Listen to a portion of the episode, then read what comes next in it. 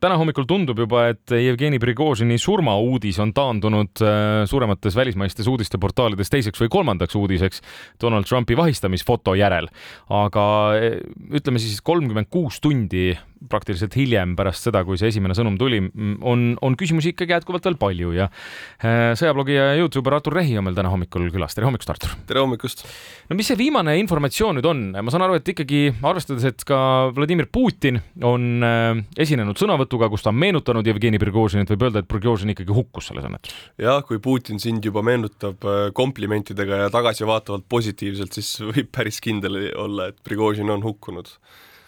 no kui minna tegelikult äh, tagasi selle uudise esimese tuleku äh, perioodi, siis ma ei tea, vähemasti mulle tundus, et äh, sõnumid levisid ülikiiresti. et kuidas sinu meelest selle info noh, nii-öelda kontrollitus ja, ja leviku kiirus tol hetkel olid, et kas need sõnumid tulid lausa liiga kiiresti? Jah, Vene eriteenistuste kohta öeldakse sellist nalja, et äh, kui, kui nad suudavad uudise välja lasta pärast seda, kui inimene on hukatud, siis on neile juba plusspunkt, et tavaliselt nad väljastavad uudise enne seda, kui see lennuk on isegi alla kukkunud. ja praegusel juhul tõesti see oli siis pärast, aga natuke võib-olla liiga kiiresti, et äh, pluss Prigožin on tegelikult üle maailma klikimagnet oma iseloomuga, oma kontrollimatute lausete ja temperamendiga ka, ka minu Youtube'i kanalis ma näen, et inimestele väga meeldib teda vaadata, vahet pole, et inimene on siis terrorist ja sõjakuritegija, ta on väga, tema esinemisviis on väga meelelahutuslik ja, ja sellepärast inimesed ka väga klikivad ta nime peale. ma vaatasin su viimast postitust ka eh, ja vaatasin, et sa oled kamminud läbi kõik erinevad videod, mis sellel teemal on tulnud, mis on siis filmitud sellest eh, hukkumispaigast või sellest allakukkumise paigast. Eh, mis, mis sealt välja tuleb, lasti siis alla, ei lastud alla? No eilse info kohaselt, kui ma selle video tegin, oli näha lennukitiibadel väikseid mikroauke, mis võivad viidata strapnelli kildudele, aga täna lugesin hommikul jällegi, et on uus versioon, et lennuki pardal võis olla ka pomm, äh, sellepärast et ka pommist võivad tekkida sellised strapnelli killud ja pealtvaatajad ütlesid, et nemad kuulsid, nemad kuulsid kahte plahvatust, üks siis õhus ja üks siis, kui lennuk kukkus alla. aga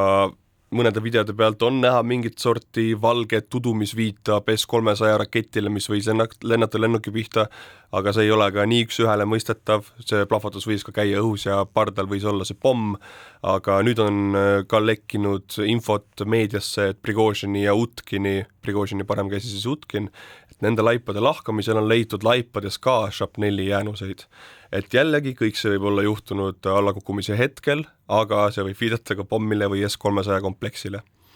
kui veel tagasi minna, siis äh, nende allikate põhjal, mida sina oled lugenud, kuidas üldse seletatakse või põhjendatakse seda, et selline seltskond üldse ühes lennukis äh, niimoodi lendas?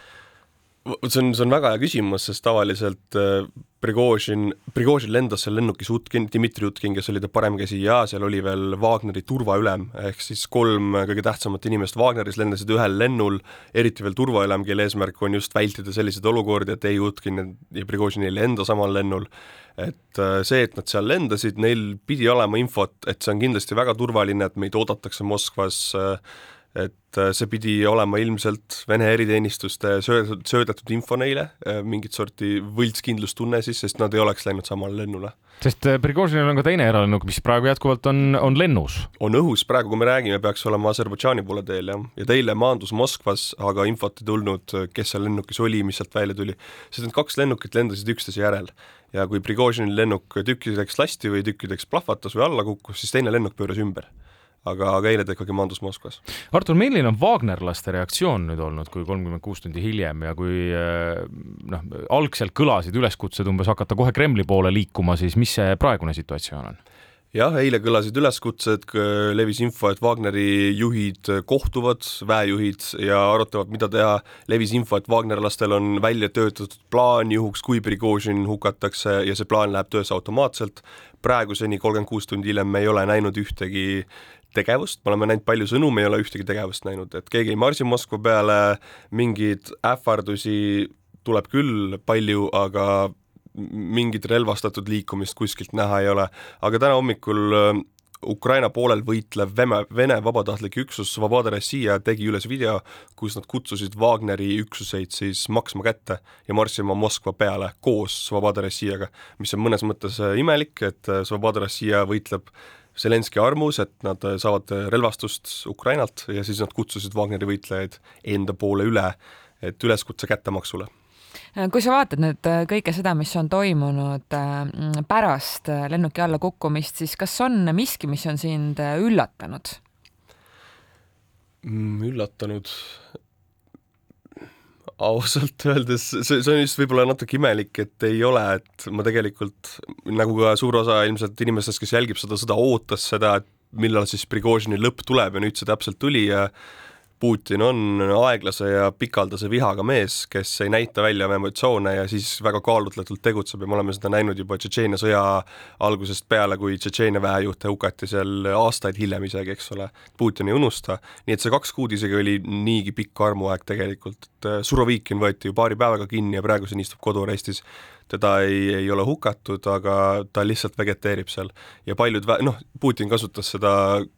mässu kohe kui puhastust väeteenistustes, et lojalistide vastu välja vahetada kõik oma kindralid. kui tõenäoline on, et äh, Putin võib sellega natukene ka näppu lõigata, mulle lihtsalt meenuvad need kaadrid, äh, kui äh, Wagnerlased selle nii-öelda juuni mässu korraldasid, siis neid võeti vastu ikkagi kui kangelasi, kui nad linna tulid võeti jah, täiesti võeti, Prigožin oli ju väga vajalik tasakaalustav jõud Vene kaitseministeeriumile, kelle kuvand Venemaal on hakanud nõrgenema ja nõrgenema, sest tipus on Šoigu ja Gerassimov, kes äh, ei ole vene inimese jaoks küllalt autoriteetsed ja küllalt isalikud või tsaarilikud või tugevad juhid, mida vene inimene, vene hing tegelikult vajab praegu. ja siis tuli järsku Prigožin, eks ole, tugev autoritaarne juht, kes lööb jalaga ukse maha ja ütleb, ma olen siin ja ma tulin teid päästma. et vene inimene võtab niisuguse inimese, niisuguse juhi väga kenasti vastu ja Putin kindlasti laseb sellega jalga endale, paljudel inimestel, paljudel perekondadel, kellele Wagner andis palga, sest nende mees sõdis Wagneri all, on, on, oli Prigožin kangelane ja Putin võttis selle kangelaskuju nüüd ära väga paljudelt, võiks öelda isegi miljonitelt Vene inimestelt. aga seal omavahel sõjaväel ja Wagnerlastel võis olla ka mingisugune vimm või vastupidi, nüüd äh, kuidagi võib tekkida mingisugune selline ühine arusaamine? Kindlasti vimm, sest Prigožin äh, kuus kuud enne mässu väga sujuvalt oma telegrammis ehitas üles seda vimma, Šoigu, Gerassimov, kus on laskemoon? Mm., miks te ei saada laskemoona, pärast statistika näitas, et tal oli seda laskemoona küllalt ja küllalt ja rohkem kui Vene armee üksustel, aga see oli teadlik äh, vastuolude üles ehitamine ja kindlasti need vastuolud on praegu Wagneri võitlejatel veel alles, et äh, nende sisendamine Vene armeesse ei saa olema lihtne, et need peab väga ära hajutama, sest neil on väga tugevad äh, vastuolud. ehk siis seda Putin ei pea kartma, et sõjavägi läheks Wagneri poole üle? ei, seda ei pea kartma, Putin on väga osavalt puhastuse läbi viinud, Vene kindralid, juhid, leitnandid, need, neil võivad olla Prigožini sümpaatiad, aga nad on lojalistid praeguseks, kõik, kes ei ole lojalistid, on kas aknast välja lennanud või oma ametipostidelt vabastatud, nii et aga räägi palun natukene ka sinu mm, selles mõttes noh, tööst või sinu blogi pidamisest ja, ja videote tegemisest, et kuidas see igapäevaselt käib, millised on sinu allikad ja mis tunduvad olevat need postitused, mis saavad kõige rohkem vaatamisi ja tagasisidet? minu allikad on äh, Telegram, Twitter, praegu kõige rohkem, sõja alguses levis infot mujal ka, levis infot Facebookis ja kõikides kanalistes üldse, aga praegu kõige rohkem on Telegramis ja siis Telegramist võetakse üles Twitterisse ja seal jagatakse ja see info kajab seal lõputult, et tegelikult seda algallikat leida on väga võimatu, et oletame, et midagi suurt juhtub, lastakse õhku näiteks S-400 kompleks Krimmis, mis üleeile juhtus, siis äh, inimene, keegi laeb selle video Telegrami, sealt võtab umbes kümme Twitteri kasutajat ja siis seda kopeerivad umbes tuhat Twitteri kasutajat ja sealt leida nagu seda algallikat ongi võimatu. ja siis aru saada, kus on kaja ja kus on nagu juurde pandud osa et äh, see, see ongi väga keeruline. aga mis inimesi kõige rohkem huvitab, mida sinu asjadest kõige rohkem loetakse või vaadatakse? no ma olen, eks jah, sõjablogija ja viimasel ajal ongi sõja alguses oli ükskõik, mida sa üles paned, vaadatakse, praegu peab väga tugevalt võitlema, et uudis oleks värske ja mitte ainult värske, vaid et see oleks pommuudis, et äh, uudiseid tuleb Ukraina sõjast välja iga päev nii palju, et sa võid noh, nii-öelda seda surnud uudist hästi palju jagada, et sa pead valima väga õiged uudised, teades oma publikut, mis just neid huvitab, näiteks minu publik on kolmkümmend viis protsenti Ameerikast, kümme protsenti Inglismaalt, kümme Saksamaalt, Austraaliast ja niimoodi läheb kümne kaupa. Et äh, ma pean teadma, mis nendele riikidele on huvitav, näiteks ameeriklastele, inglastele Prigožin väga suur teema. Äh,, näiteks kuskil